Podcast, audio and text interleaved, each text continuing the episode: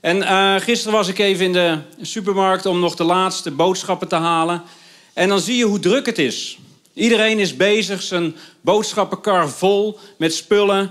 En um, nou, ik had een paar spulletjes nodig, want mijn lieve vrouw had al de meeste boodschappen gedaan. En ik was daar en ik uh, ja, moest even wachten voor de zelfscankassa om even door te gaan. En dat was een hele rij. Dat had ik nog nooit meegemaakt bij de uh, supermarkt. Dat er een rij staat voor de zelfscankassa. Maar die was er. En ik stond daar zo. Ik denk, nou, hoe, hoe loopt het een beetje? En ik zag een oudere, wat oudere man met zijn boodschappenkar. Die ging zo ervoor. Ik denk, nou, die uh, kruipt gewoon voor. Nou ja, dat uh, doen mensen hier. Ik dacht, ja goed, hij weet het ook misschien niet. En toen was er naast mij, ik was er naar die man aan het kijken, kwam er een wat oudere dame. Ja, ik heb niks tegen oudere mensen hoor, maar het waren gewoon oudere mensen. En die was de karretje zo aan het duwen, zo, zo naast me. Ik denk, oh ja, volgens mij sta ik eerder in de rij. Maar ze was bezig en ik zei niet tegen haar... Uh, nee hoor, wilt u voorgaan gaan? Maar dat, dat zei ik niet. Ik keek er gewoon een paar keer zo aan. En ik denk dat het niet al te vriendelijk was. Maar ze bleef proberen de karretje te duwen. En ze raakte bijna de rekken.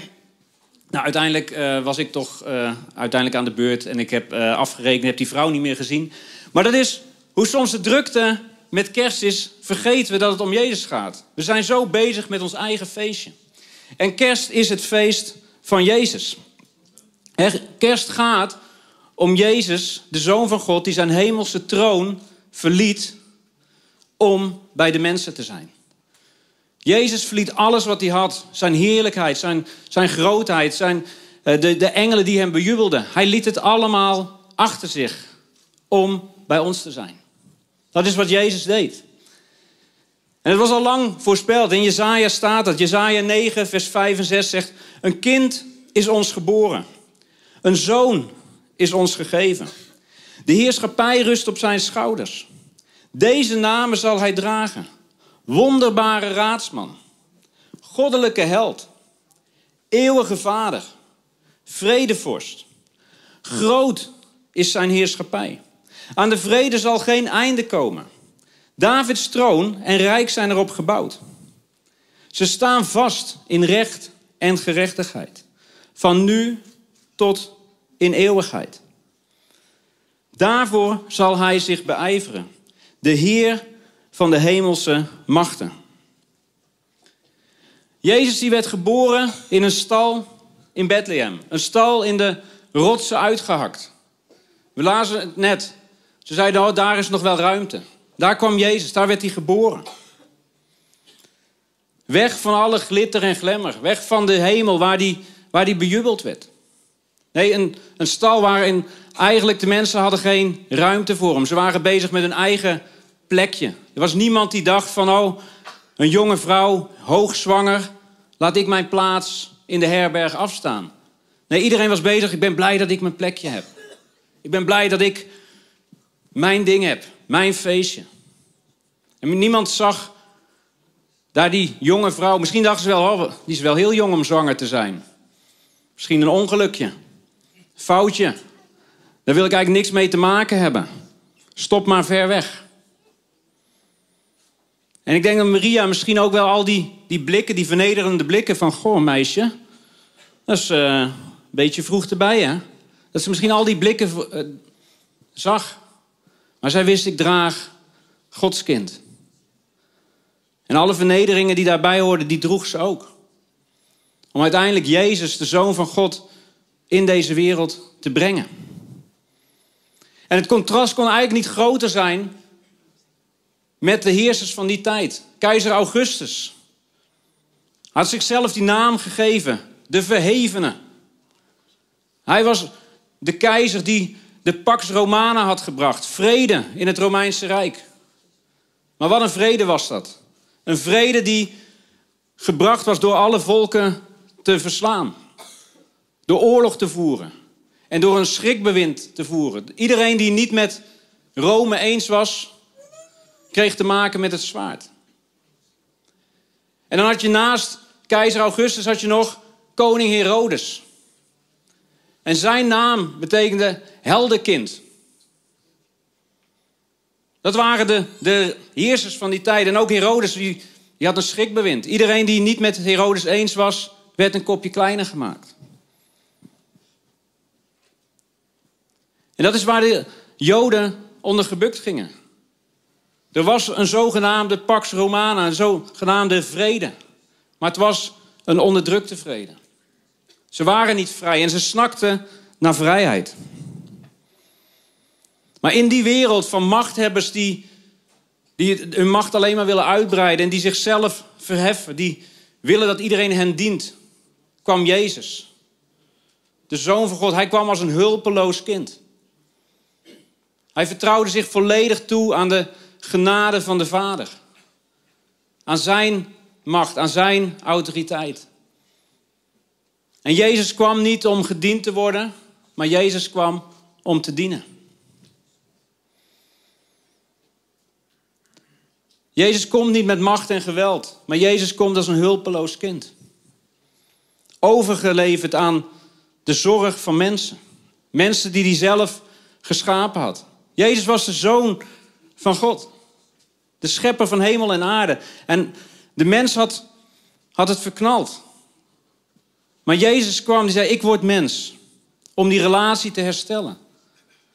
En dat doe ik door hulpeloos als mens te komen. Niet door macht, niet door geweld, niet door iedereen die, die verkeerd is neer te slaan. Nee, door mens te worden, door hulpeloos te worden. En toch rust de heerschappij op zijn schouders. Toch is zijn heerschappij groot. Staat zijn troon vast. En komt er geen einde aan zijn vrede. Jezus heeft geen groot leger nodig om mensen voor zich te winnen. Jezus heeft geen macht nodig, geen machtsvertoon om mensen voor zich te winnen. Jezus komt en geeft zichzelf.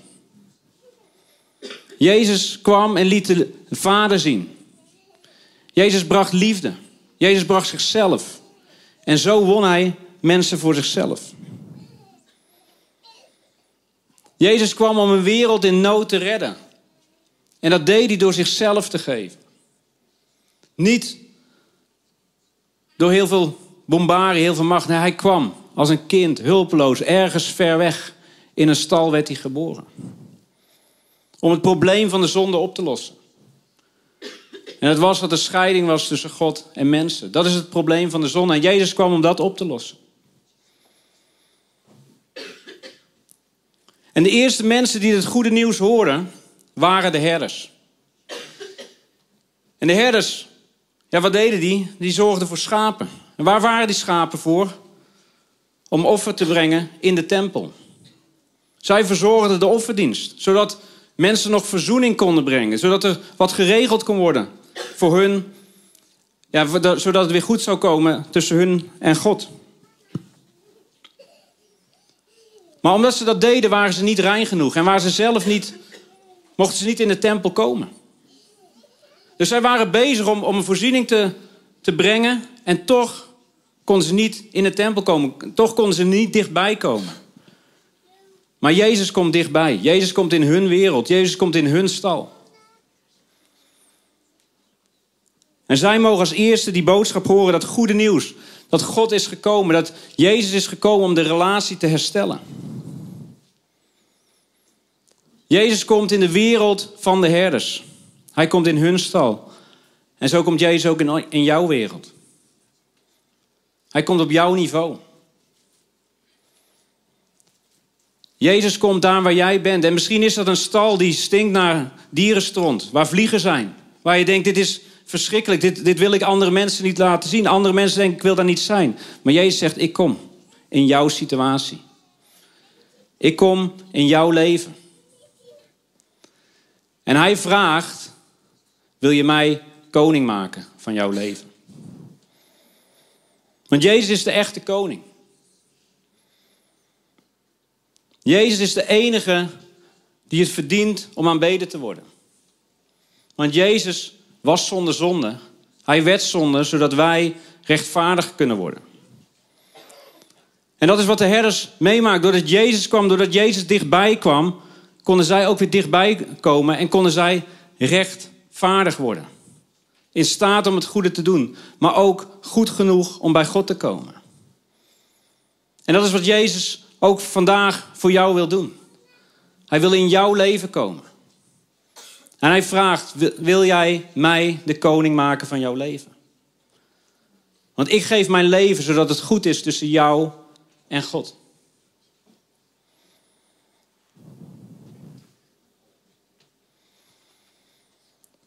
Hij vraagt: Wil je mij ontmoeten in die stal? Waar het misschien stinkt naar dieren, waar het rommelig is. Jezus maakte niet uit dat hij geen mooie wieg had. Jezus maakte niet uit dat hij in een voederbak moest liggen. Want het ging hem om jou. Het ging hem om de relatie te herstellen. En hij wil jouw wonderbare raadsman zijn. Degene die voor jou pleit. Welke aanklacht er ook is, Jezus pleit voor jou. Hij is jouw raadsman. Hij is degene die jou raad geeft. Hij is degene die jou advies geeft, jou wil leiden op het leven wat je loopt. Hij is jouw goddelijke held, die voor je uitgaat, die voor jou strijdt. Jouw sterke God, die de overwinning al behaald heeft. Die, die de vijand verslagen heeft. Hij wil jouw eeuwige vader zijn. Die jou altijd zegt dat je geliefd bent. Dat niets jou kan scheiden van zijn liefde. Dat jij voor altijd zijn geliefde kind bent. En hij wil jouw vredevorst zijn. Hij wil vrede brengen in jouw hart. Zodat je je niet meer ongerust hoeft te maken. Maar dat je mag weten dat, dat hij bij je is. Niet een vrede die de wereld geeft. Niet een vrede die, dat het vrij is van problemen of oorlogen. Maar vrede in je hart. Dat is wie die wil zijn. En alles wat hij vraagt is: kom bij mij. Mag ik de koning van jouw leven zijn? En dat is waarvoor hij zich beijvert. Dat is waarvoor Jezus zich inzet. Om dit voor jou te zijn. Jouw raadsman. Jouw goddelijke held. Jouw eeuwige vader. En jouw vredevorst. Dat is wie Jezus wil zijn. En dat is waar kerst om gaat. Jezus die gekomen is naar deze wereld. Die de aanbidding van de engelen verliet. Die zijn goddelijke troon verliet. Die alles wat hij had verliet om jou te winnen. Om in jouw leven, jouw leven wat misschien een puinhoop is, maar in jouw leven te komen en herstel te brengen. En hij vraagt, mag ik jouw koning zijn? En dat doet hij niet om je, door je te dwingen, maar gewoon door je te ontmoeten. Hij zegt, wil je mij ontmoeten? Ik ben hier, ik ben hier in jouw leven. Wil je mij ontmoeten? En te midden van die vuiligheid, te midden van die ellende in je leven, te midden van de fouten die je gemaakt hebt, mag je knielen voor Jezus. En mag zeggen, Heer, ik aanbid u als koning. U bent mijn God. Ik buig mij voor u neer, voor uw autoriteit. U bent waardig. En dat is wat je mag zijn. Een, een kind wat knielt voor Jezus. Je mag knielen voor zijn voeten. En hij is wel geboren in een stal als een kind. Maar uiteindelijk is hij mens geworden, volwassen geworden. Is hij gestorven voor onze zonde aan het kruis. En heeft hij de overwinning behaald. En nu zit hij op de troon. Een kind is ons geboren. Een zoon is ons gegeven. Jezus is dat kind. Jezus is de zoon van God, die door de Vader gegeven wordt om de relatie te herstellen. Hij heeft de hemel verlaten. Hij heeft zijn goddelijkheid afgelegd. Hij is mens geworden, zodat wij weer bij God kunnen komen. En als we dat beseffen, dan willen we toch maar één ding. Jezus die alles achterliet. Alles wat hij had, alle heerlijkheid die hij had, liet hij achter om jou te winnen. Het enige wat we dan kunnen doen, is ons onze knieën buigen. Hem aanbidden. En dol op hem zijn. Dus kom, let us adore him. Amen.